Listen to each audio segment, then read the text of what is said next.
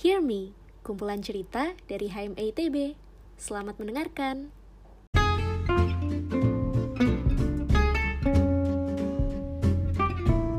Halo Cem, kembali di HME Ngobrol, episode 2. Kenalin, gue Salman, dan di sini gue bersama teman gue. Halo juga Cem, kenalin uh, gue Michael Munte. Nah, BTW nih man, tiba-tiba gue kepikiran nih, jadi nanti kayak habis lulus nanti, gue kayaknya mau coba keluar deh S2. Tapi S2-nya di luar gitu man. Lu tau gak man kayak tata cara daftarnya atau uh, prosedurnya tuh man? Wah, pas banget tuh Mun. Kalau lu mau tanya-tanya, punya kenalan nih, cutting yang S2-nya di luar negeri. Wah, siapa tuh man? Namanya Kak Muhammad dari EL12. Halo Kak Fadil. Hai, halo, halo. Halo Bente. Halo juga kak. Halo, Salman. Apa kabar nih kak? Baik, baik, alhamdulillah. Uh, baik kak. Nah, hari ini kita bakal ngebahas nih Cem mengenai perkuliahan di luar negeri bareng Kak Fadil. Wah, keren banget nih Kak Fadil. Jadi penasaran nih sama pengalamannya Kak Fadil dulu. By the way nih Kak, abis Kak Fadil nih lulus dari ITB nih ya, teknik elektro. Terus dulu tuh S2-nya di mana Kak? Dan ngambil jurusan apa tuh Kak? Jadi uh, kebetulan waktu habis lulus tuh sempat kerja beberapa lama sih waktu itu. Uh, terus sampai akhirnya memutusin buat S2 di KTH Royal Institute of Technology di Stockholm di Sweden. Uh, untuk jurusannya sendiri, uh, aku ngambilnya uh, machine learning waktu itu. Oh itu di Swedia tadi ya kak, KTH Royal Institute? Yap, di Swedia, benar. Dulu alasannya apa kak mau ngambil S2 di luar negeri? Hmm, alasannya sebenarnya alasannya waktu itu uh, karena habis lulus sebenarnya bingung sih mau kerja uh, di bidang apa.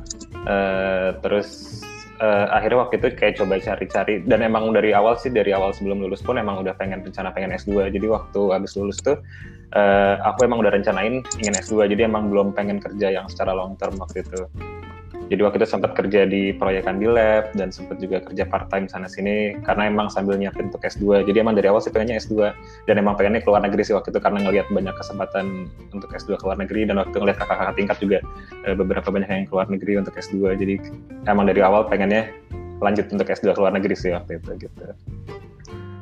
Oke, dan BTW kan S1-nya nih teknik elektro. Terus kenapa akhirnya memutuskan mau lanjutnya itu spesifik di machine learning gitu dibanding ilmu-ilmu yang lain gitu kak?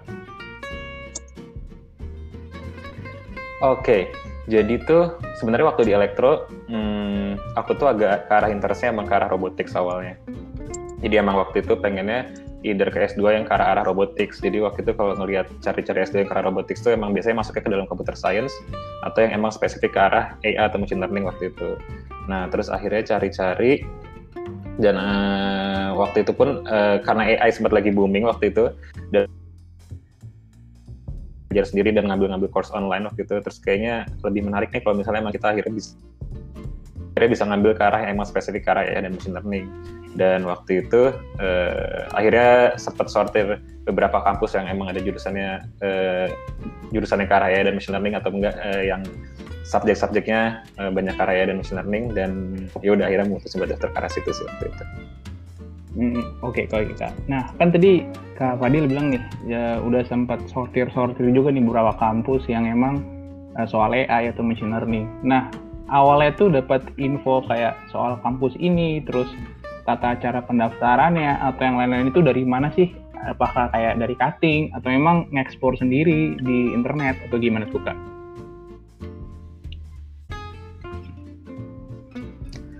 Nah, sebenarnya sumber buat kayak gitu sekarang sebenarnya banyak banget sih. Waktu itu kalau bisa dibicara, bisa ngomongin tentang sumber, sebenarnya ada banyak banget. Waktu itu dari kakak tingkat sempat karena banyak kakak tingkat yang udah berangkat duluan. Uh, terutama kalau Swedia, mungkin Swedia jarang yang dengar ya. Tapi waktu itu uh, banyak teman seangkatan juga yang udah berangkat ke Swedia dan ada kakak tingkat juga yang udah sempat kuliah di Swedia. Jadi waktu itu emang uh, akhirnya terekspos oleh Swedia tuh dari dari si itu referensi itu. Terus kalau misalnya kampus-kampus yang lainnya banyak eksplorasi sendiri juga sih kayak ngelihat uh, waktu itu sebenarnya lebih disortir kayak uh, emang pengen negaranya ke arah negara apa sih, pengen negara mana, terus kayak lihat kampus-kampus yang emang oke okay di negara masing-masing itu apa, terus baru kelihat uh, baru mulai spesifik kayak lihat oh dia ada jurusan ini atau enggak terus ada ada um, subjek-subjeknya apa di misalnya di computer science-nya. Jadi waktu itu sih lebih ke ekspor-ekspor kayak gitu Uh, jadi waktu itu kayaknya sempet kayak bikin list sih kayak uh, akhirnya kampus yang pengen didaftar tuh apa aja terus kayak uh, syarat-syarat daftar kampus itu apa baru ter mulai mulai tersortir dengan sendirinya kayak oh ternyata kampus ini bisa dapat beasiswa ada ada, ada bisa dapat komponen beasiswa ini nih bisa jadi ada juga. Uh, ternyata um, uh, kayak bisa ngeliat sih kayak dari kampus-kampus soalnya kayak kayak ke misalnya ke Australia ternyata ada ada ada kita kita bisa pakai beasiswa Australian Awards misalnya atau misalnya ke Jepang kita bisa kayak uh, beasiswa Max. Jadi kayak waktu itu mulai ngelis-ngelis sih kayak kemungkinannya karena waktu itu emang dari awal uh, aku sendiri kayak kayaknya nggak mungkin kalau misalnya untuk sekolah luar negeri di sendiri. Jadi emang waktu itu uh, mencari beasiswa adalah salah satu opsi opsi opsi penting dalam dalam uh, merumuskan kampus yang pengen dituju sih waktu itu. Dan sebenarnya info banyak banget tadi selain aku bilang selain dari kakak tingkat uh, itu juga bisa nyari dari online jadi waktu itu sempat ada di Twitter kayak ada beberapa hmm, account yang emang khusus dia nge-share info beasiswa atau dari IRO waktu itu juga International Relevant Office ITB hmm, itu juga banyak informasi kan uh, terkait kayak beasiswa atau S2 waktu itu apa lagi ya?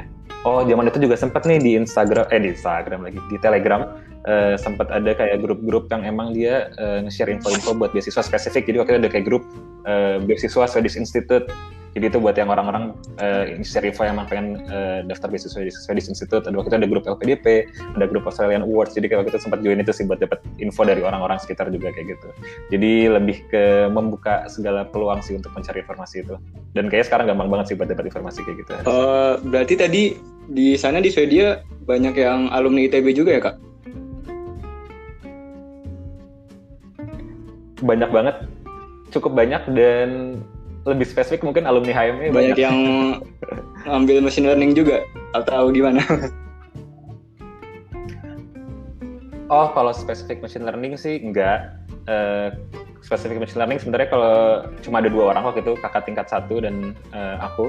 Cuma kalau misalnya dari jurusan jurusan-jurusan lain kayak sustainable energy, terus ada uh, electrical engineering itu ada atau mungkin telecommunications uh, itu ada beberapa alumni uh, elektro yang lain sih yang akan oh, angkatan okay. juga. Nah, tadi kan kakak sempat ini ya sempat nyinggung syarat-syarat untuk kuliah di luar negeri. Uh, kakak sendiri dulu apa aja sih kak syarat yang perlu disiapin sama kira-kira sulit gak syarat-syaratnya kak? Oke syaratnya sebenarnya aku cukup lupa pastinya apa karena udah dua setengah tahun yang lalu. Tapi uh, secara general biasanya uh, yang pasti uh, proficiency uh, bahasa Inggris uh, either IELTS uh, or TOEFL IBT biasanya.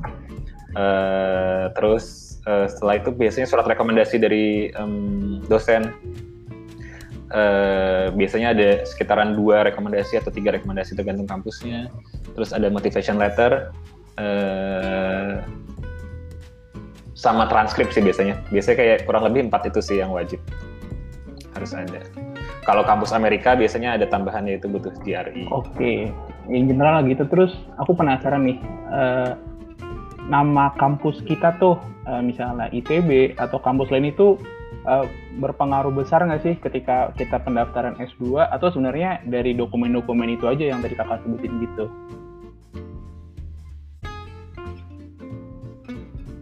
Oke, nama kampus ngaruh atau enggak? Itu jujur kurang tahu karena itu ter mungkin tergantung internal dari kampus, tapi bisa jadi ngaruh sih.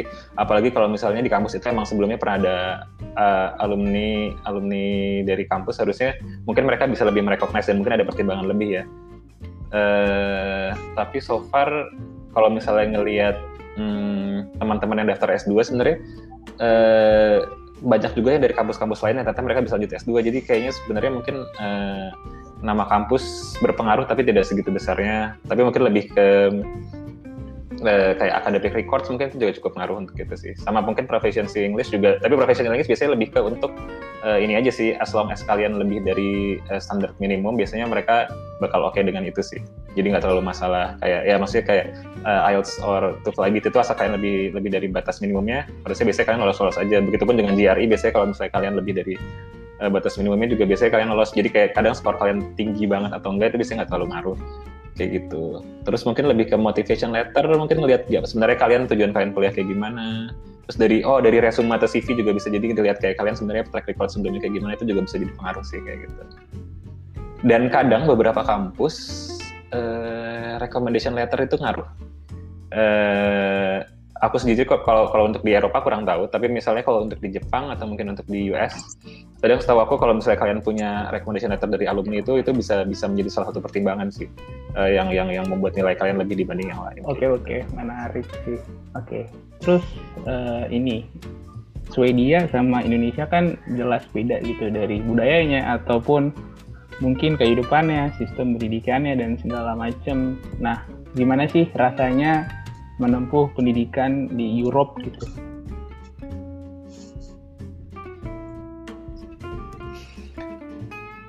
Se sebenarnya waktu awal dapat ke Swedia itu sangat excited sih karena emang pengen ke Eropa. Terus kayak emang sebelumnya aku belum pernah ke Eropa kan. Nah terus kayak uh, aduh kayak pengen explore explore Europe. Terus nggak terlalu mikirin gimana kehidupan di sana sih. Uh, kayak ya udah bakal coba uh, intinya bakal pergi ke sana ntar bakal pasti kita bakal mencoba beradaptasi dan dengan sendiri kita akan belajar beradaptasi di sana. Jadi kayak nggak terlalu mikirin waktu itu. Tapi untungnya ternyata pas ke sana uh, untuk adaptasi lingkungan uh, sebenarnya nggak terlalu masalah sih. Uh, kayak terutama aku misalnya muslim tadinya awalnya mungkin awalnya aku agak mikir sih mungkin bakal susah mencari makanan halal atau gimana uh, atau atau mungkin bakal ibadah. Taunya pas sampai sana uh, di kampus disediain tempat buat sholat terus kayak misalnya buat nyari makanan halal pun dan dan bahan-bahan mentah halal pun ternyata gampang di sana. Jadi uh, itu cukup cukup uh, yang nggak disangka-sangka dan sangat mudah. Cuma mungkin yang cukup berat adalah Uh, karena Sweden itu ada di utara, jadi uh, untuk, untuk beradaptasi dengan lingkungan saat winter itu sebenarnya agak-agak cukup berat buat buat aku sendiri waktu itu karena uh, suhu yang dingin, terus uh, hari yang pendek waktu itu. Jadi kalau misalnya kalian ke di sini kita kebiasaan hari uh, dari jam-jam 6 pagi sampai dengan jam 6 sore itu udah terang. Kalau di sana kalau misalnya lagi winter uh, matahari berterbit sekitaran jam 9 jam 10 terus sudah terbenam lagi jam 3 sore. Itu kayak kadang ngerasa harinya begitu pendek terus uh, belum lagi kadang sepanjang winter tuh kayak kelabu uh, jarang banget ada matahari. Itu kadang bikin sendu kayak gitu-gitu ya. Itu satu proses adaptasi di sana sih kayak yang emang harus belajar. Kayak akhirnya uh, harus minum vitamin D. Kalau di sana wajib minum vitamin D selama winter. Uh, karena uh, kalau enggak ada namanya winter blues. Jadi winter blues itu kondisi di mana secara psikologi kita bakal menjadi uh, depresi atau bakal jadi uh, ke bawah sendu karena itu karena pengaruh dari kekurangan cahaya matahari. Cuma ya ya seru sih karena akhirnya dapat pengalaman baru yang cukup berbeda dibanding ketika tinggal di. Oke okay, oke. Okay. Gitu. Aku langsung kebayang sih kayak uh, aku juga nggak pernah ke luar negeri gitu nggak pernah ke Europe tapi dari penjelasannya Kak Fadil juga gitu ya, kayak udah kebayang sih kayaknya terus soal tadi kan mungkin uh, paling adaptasi ya uh, even itu soal mungkin cuaca atau musim. Kalau soal pergaulan sendiri gimana kak? Kayak teman-teman di sana itu gimana menerima kayak mahasiswa asing atau mahasiswa Asia gitu? Apakah ada suatu perbedaan yang mendasar atau kayak sebenarnya as long as asik aja juga uh, masuk-masuk aja gitu sama teman-teman di sana Hmm, mungkin itu uh, untuk awal ya jujur untuk dari aku sendiri waktu awal itu agak susah beradaptasi dengan orang-orang Eropa karena uh, ya. tapi itu itu kayaknya nggak nggak nggak berlaku untuk semua jurusan. Kadang setiap jurusan tuh punya kalau misalnya yang aku perhatikan setiap jurusan untuk di Swedia setiap jurusan tuh kayak punya karakteristik berbeda. Jadi memang ada jurusan yang orang Eropanya cukup membaur dengan dengan semua orang.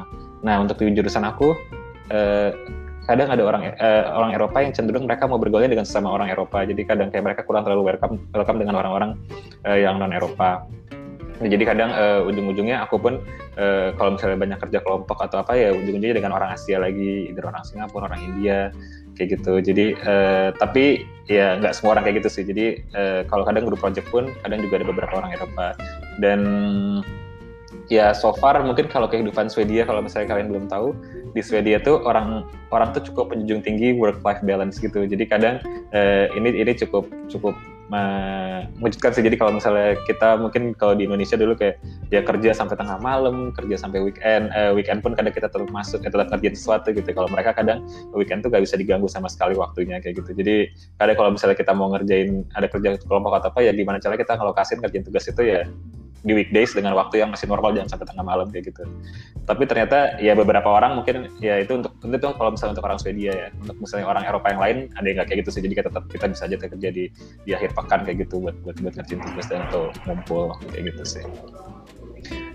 Uh, kalau orang-orang Swedia sendiri itu ini nggak kayak ambis-ambis gitu nggak kak? Uh, kalau dibilang ambis, jadi uh, ini yang cukup unik juga. Jadi kayak ada polarisasi gitu sih kalau di Swedia. Jadi memang ada orang yang emang sangat ambis, uh, terutama jurusan aku. Jadi emang ada orang yang uh, emang ambis. Jadi biasanya kalau misalnya kita grup project itu, kita kan kadang nyari kelompok sendiri ya. Jadi biasanya begitu kita nyari kelompok sendiri tuh kayak kita uh, ngepost di di di di, di websitenya, eh di di portalnya. Kayak kita mau bikin kelompok nih siapa yang mau siapa yang mau ya siapa yang mau nilainya A kita satu grup yuk siapa yang mau nilainya B kita satu grup yuk.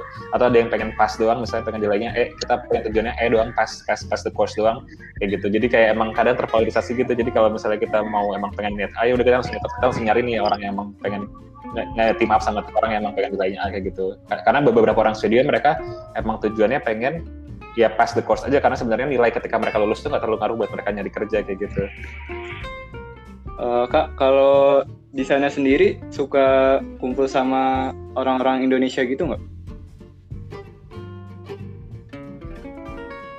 Sih kalau kumpul sama orang Indonesia uh, di uh, di sana, uh, di Swedia dan PP di Stockholm tuh uh, kita cukup rutin ngadain acara kayak cuma gathering-gathering doang atau mungkin kadang juga uh, sebenarnya kita punya kayak acara badminton rutin biasanya tiap Sabtu. Jadi itu pasti ketemu juga dengan orang Indonesia. Bahkan kadang KBRI-nya cukup akrab sih buat buat ngadain eh, kegiatan-kegiatan yang mungkin mungkin nggak nggak ya sekitaran dua bulan sekali lah kira-kira ada acara di KBRI jadi kita cukup akrab sih dengan sesama uh, pelajar atau bahkan dengan sesama orang Indonesia yang udah tinggal lama di situ sih. Oh, uh, tadi kan makanya butuh uh, banyak kegiatan sama orang Swedia sama teman-teman dari Eropa.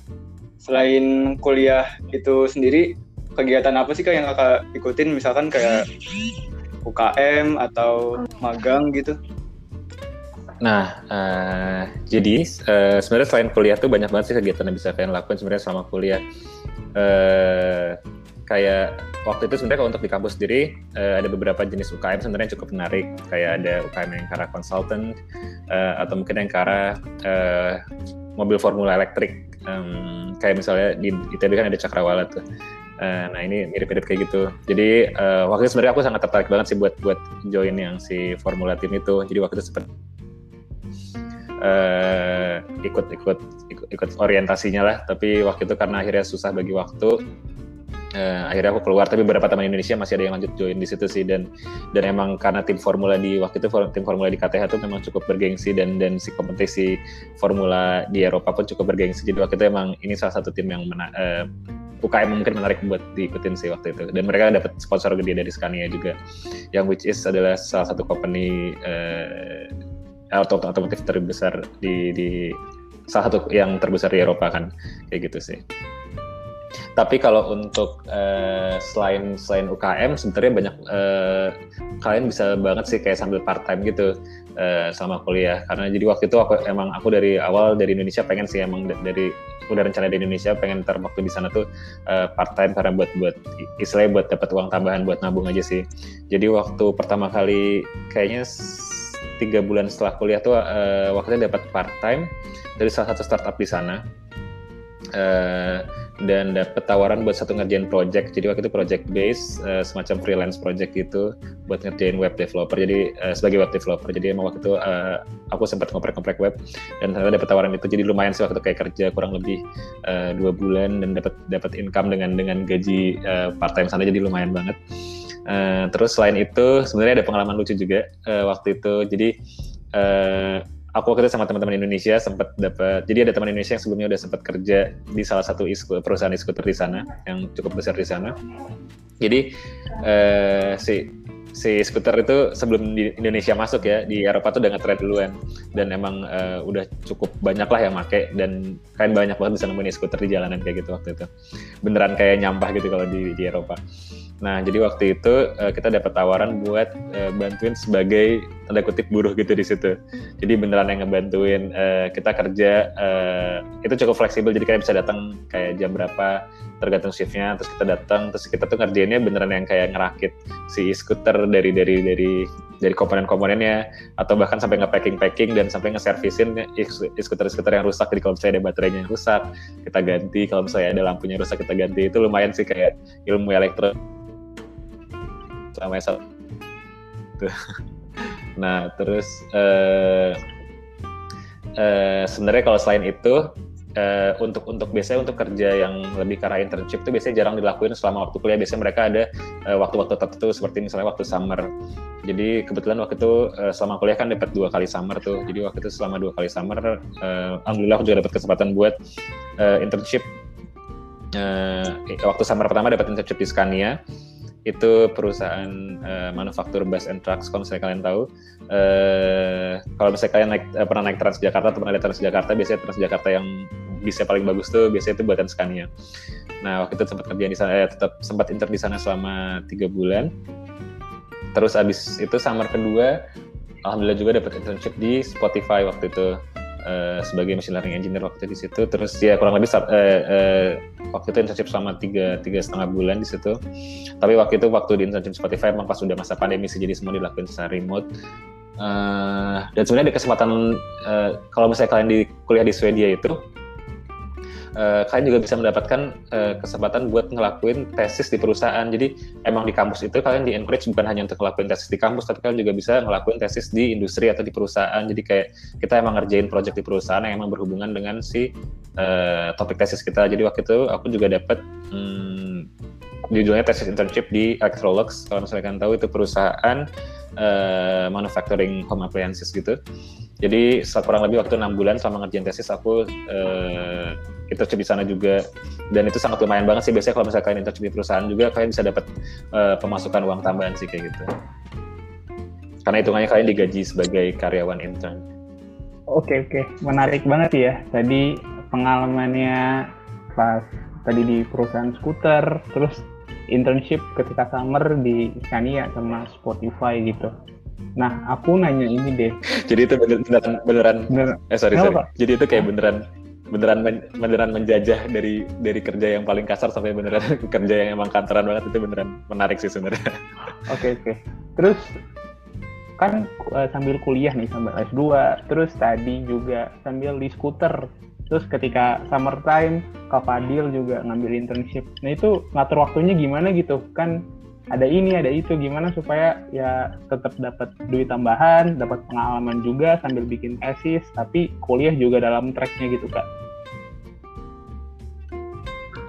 sebenarnya untuk masalah internship pas summer itu sebenarnya itu bukan masalah sih karena emang kalian waktu summer, summer itu beneran kosong kan sama kayak kalian waktu di ITB kan kayak kosong selama uh, pergantian tahun biasanya kalian pergantian semester ya. Semester uh, genap keganjil kan biasanya kan lima libur tiga bulan. Itu tuh emang benar kalian kosong sama sekali sih. Hmm. jadi itu uh, emang ba bagus banget kalau misalnya bisa kalian manfaatin buat uh, dapat internship di situ atau uh, kerja di suatu tempat. Nah kalau misalnya masalah bagi waktu pas kuliah itu sebenarnya tinggal pinter-pinter bagi waktu bagi waktu aja sih. Karena kadang load kuliah sebenarnya nggak terlalu berat jadi kalian bisa curi-curi waktu misalnya mungkin dua jam sehari buat ngerjain atau misalnya pas weekend kalian luangin waktu satu hari buat ngerjain itu sebenarnya waktu itu akhirnya TK kayak gitu sih. Terus kalau misalnya skuter waktu itu itu sih lebih karena fun aja sih kayak ketemu ketemu salah satunya buat ketemu orang-orang Indonesia juga yang waktu teman-teman yang itu kayak yaudah daripada kita cuma ngumpul ngobrol ya kita ngumpul-ngobrol sambil ngerjain sesuatu yang bisa menghasilkan duit jadi kayak ya itu di bawah fun aja. Hmm, oke okay, oke okay, oke. Okay.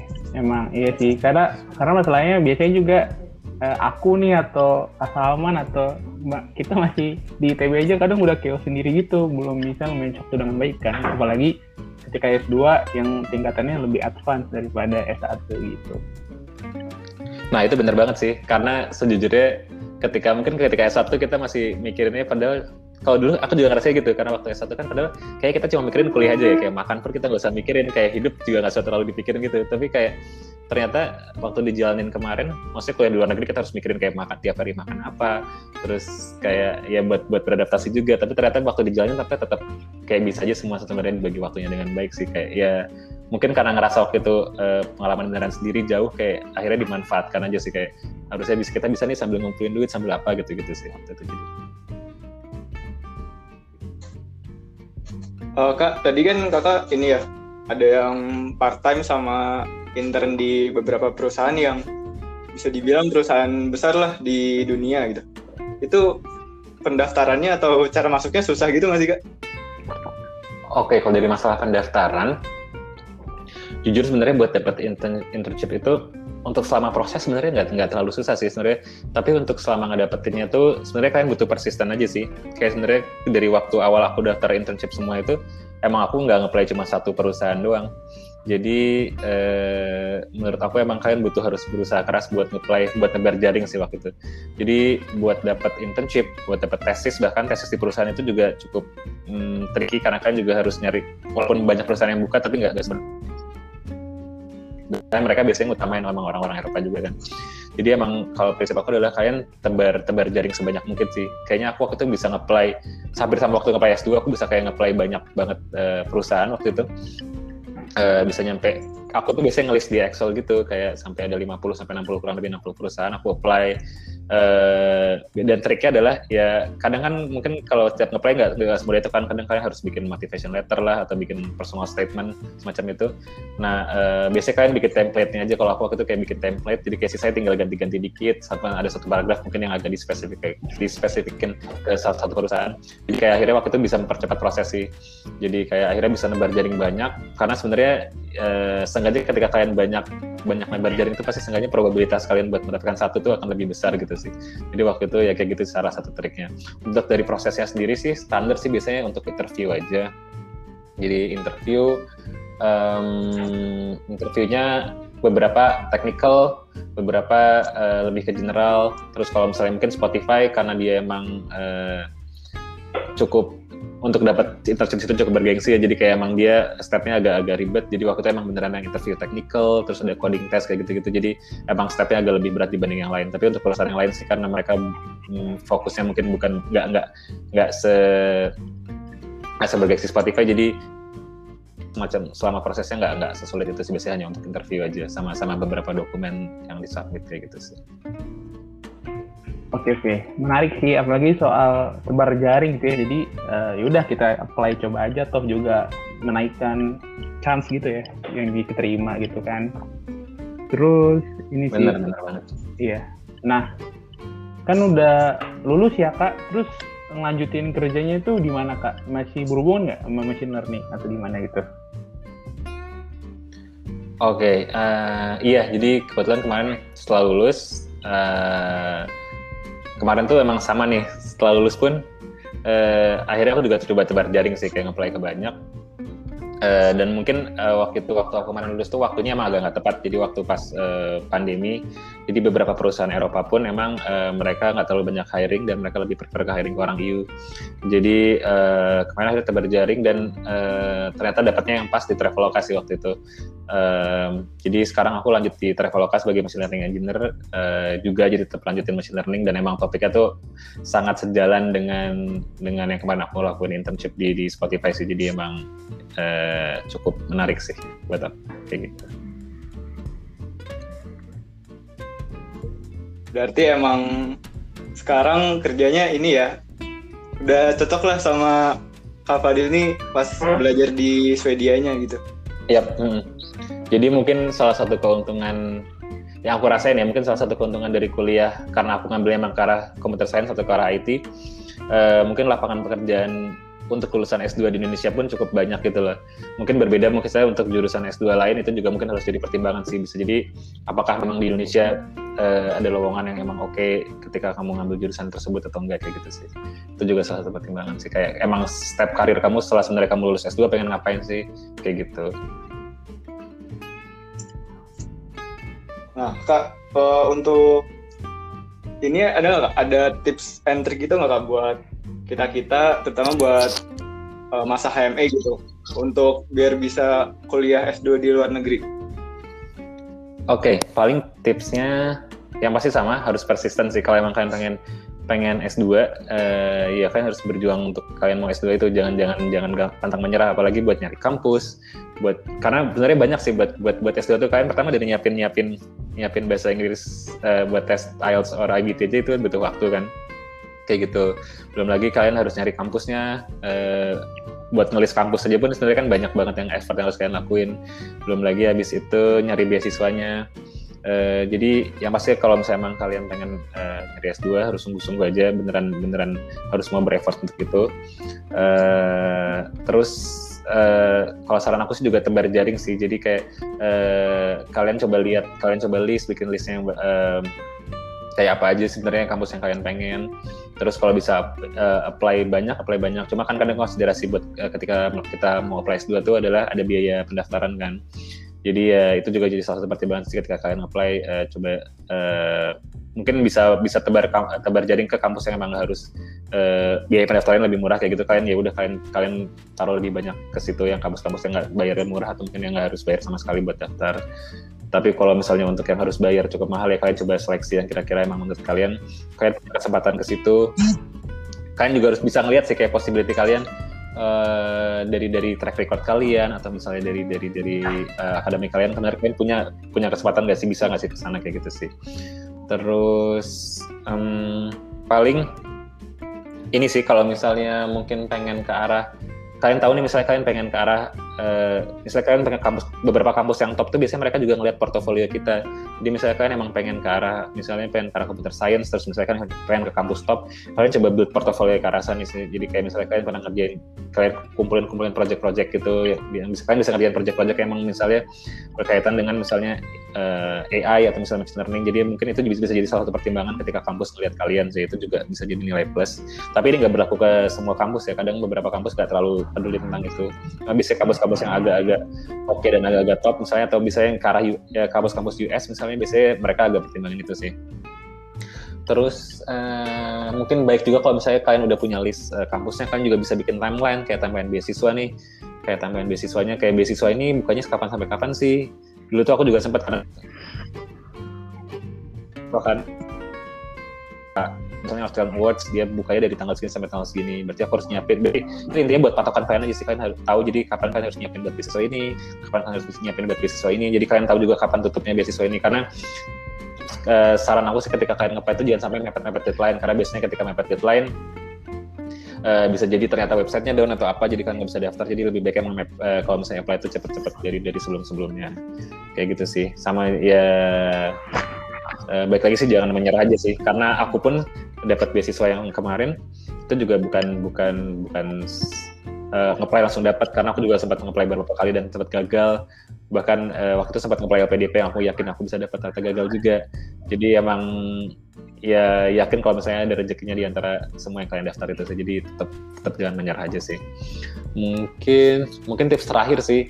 Uh, ini yang mungkin yang aku nggak tahu dulu ya uh, mungkin dulu kalau misalnya dulu aku nyari sekolah tuh memang pengennya ya udah nyari beasiswa. Kalau sebenarnya ternyata kalian nggak harus punya kalian nggak harus nyari beasiswa itu kok. Sebenarnya bisa jadi ini kalian juga harus coba pelajari sih kayak negara ini tuh sebenarnya sistemnya gimana. Misalnya kalian kuliah di sana kalian bisa nggak sambil kerja misalnya? Kayak gitu. Ternyata menurut aku kadang kalian dengan kalian kerja sambil misalnya sambil part time atau sambil internship pun itu bisa nutup biaya kuliah kalian kayak gitu sih. Jadi misalnya kalian nggak butuh uh, misalnya kalian bisa bisa dapetin beasiswa di kampusnya tapi kalian nggak dapat beasiswa living cost. Tapi ternyata negara itu bisa mem, uh, bisa memberikan kesempatan buat kerja misalnya buat kerja internship atau apa. Ya bisa jadi kalian ya dengan kerja internship itu, itu bisa bisa nutupin biaya hidup kalian. Jadi kalau misalnya aku boleh jujur uh, kemarin kan beasiswa aku dapat beasiswa uh, ini ya beasiswa uh, tuition fee dan juga beasiswa living cost. Nah ternyata dari pengalaman kemarin aku uh, kuliah selama 2 tahun uh, si uang living cost ini karena aku internship dan kerja part time itu living cost ini sebenarnya uangnya uang beasiswanya nggak pakai sama sekali karena ternyata aku bisa membiayai hidup aku dengan si uh, kerja part time dan internship itu. Sekali beberapa teman juga ada yang uh, dia kuliah di Jerman. Uh, dia dia emang akhirnya di Jerman kan uh, kuliahnya uh, ini ya uh, gratis cuma perlu hanya bayar biaya transport per tahun. Nah dia ternyata akhirnya dia kuliah di Jerman dengan biaya sendiri dan dia kerja di lab di kampus dan itu juga bisa nutupin living cost dia di sana. Jadi sebenarnya banyak eh, kesempatan sih kalau memang kalian memang tujuannya pengen S2 banyak banget kesempatan dan nggak harus kalian dapat beasiswa buat living cost. Banyak buat kesempatan kalian buat bisa sambil kerja. Tapi nggak nggak semua negara bisa gitu ya karena beberapa negara kalian nggak punya kesempatan buat nggak visa student kalian nggak bisa dipakai buat visa kerja juga.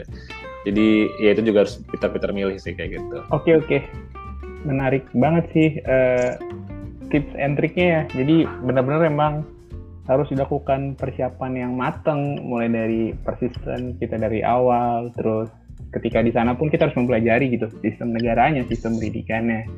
Nah, misalnya nih buat tadi kan soal ngomong persisten nih, karena aku juga sebenarnya masih bingung nih eh, mau lanjut. Oke, sekarang aku mau lanjut kuliah, terus eh, ada nggak sih kak kayak pesan atau kayak eh, saran gitu bagi teman-teman HM ini, teman-teman CEM yang masih bingung nih mau lanjut S2-nya di dalam negeri kah atau bahkan ITB kan ada fast track juga atau keluar. Itu Kak, Kak Fadil ada saran nggak buat CEM-CEM yang masih bingung nih mau lanjut S2-nya tuh ke mana? Hmm, kalau saran, sebenarnya kalau saran kembali ke kalau misalnya masalah preferensi itu kembali ke personal masing-masing ya. Cuma kalau misalnya kalian ternyata dapat kesempatan buat fast track ya sebenarnya nggak ada salahnya kalau misalnya kalian ambil fast track itu. Eh, terus tahu aku beberapa yang fast track emang didapat beasiswa juga kan. Dan kalau misalnya kalian setelah fast track pun kalian misalnya pengen lanjut S2 lagi ke luar negeri bisa kok misalnya sebenarnya kalau misalnya emang kalian tujuan pengen ke luar negeri atau misalnya kalian pengen lanjut S3 pun ada beberapa teman dan ada di tingkat yang ternyata setelah mereka fast track di ITB mereka lanjut S3 di luar negeri jadi tetap banyak kesempatannya. Terus kalau emang kalian pengen langsung juga eh, bisa banget kayak gitu. Cuma, eh, paling pertimbangannya kalau misalnya kalian masih bingung sama jurusan yang pengen kalian ambil eh, mungkin lebih coba sebelum misalnya sebelum kalian memutuskan untuk ngambil S2 bisa kalian mungkin kalian eh, sekarang kan banyak nih kayak misalnya kesempatan buat kalian online course atau buat ngambil ya buat ngambil ngambil course di online atau buat atau misalnya lihat semacam lihat YouTube lah kalian bisa di situ bisa belajar kayak sebenarnya mana sih yang bidangnya emang menarik buat kalian atau enggak? Kayak gitu. Jadi mungkin bisa nentuin dari situ. Atau mungkin justru kalian bisa terjun langsung misalnya kalian kerja dulu selama satu tahun dua tahun kayak ngelihat eh, sebenarnya ke arah kalian sebenarnya menurut kalian menarik ke mana sih. Karena kadang buat tentuin jurusan pun eh, itu kan eh, agak-agak susah ya. Atau mungkin juga bisa kalian lihat kayak kalian sebenarnya rencana ke depannya pengen apa sih? Kayak gitu sih. Oke kak, ya, tadi apa ya tadi tips and trick yang dari kakak sangat bermanfaat, terus saran dan pesannya juga keren banget nih, terutama buat uh, cem-cem yang mau kuliah S2 di luar negeri, sangat untuk memotivasi dan mendorong sih kalau bagi aku tadi uh, insight-insight yang udah Kak Fadil bagi oh ke paling tambahannya terakhir.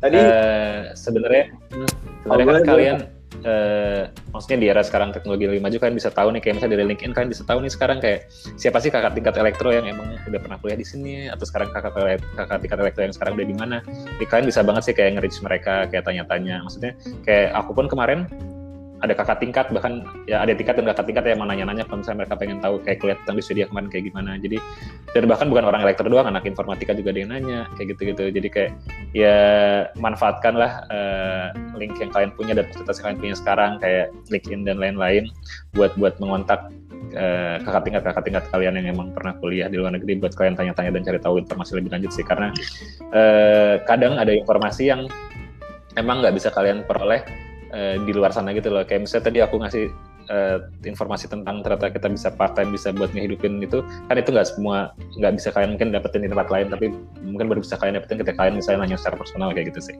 Jadi ya jangan malu buat bertanya aja sih. Insya Allah maksudnya kakak tingkat kalian juga bakal dengan senang hati bakal ngebantu adik-adiknya pasti kayak gitu. Nah, makasih banget nih buat Kak Fadil tadi pesan-pesannya yang sangat menarik, terus tips and trick yang sangat apa ya bagi aku tadi tips and trick sama pesannya sangat mem- memotivasi aku sendiri sih buat S2 ke luar negeri. Kalau Munte gimana nih Mon? Masih bingung nggak? Bener banget nih man, tadi habis Kak Fadil ngomong, gue juga harus mempersiapkan mempersiapkan lebih banyak nih man. Kayak mungkin gue akan ngelis abis ini sih man ngelis-ngelis mananya sih kampus di luar negeri yang cocok buat gue gitu man.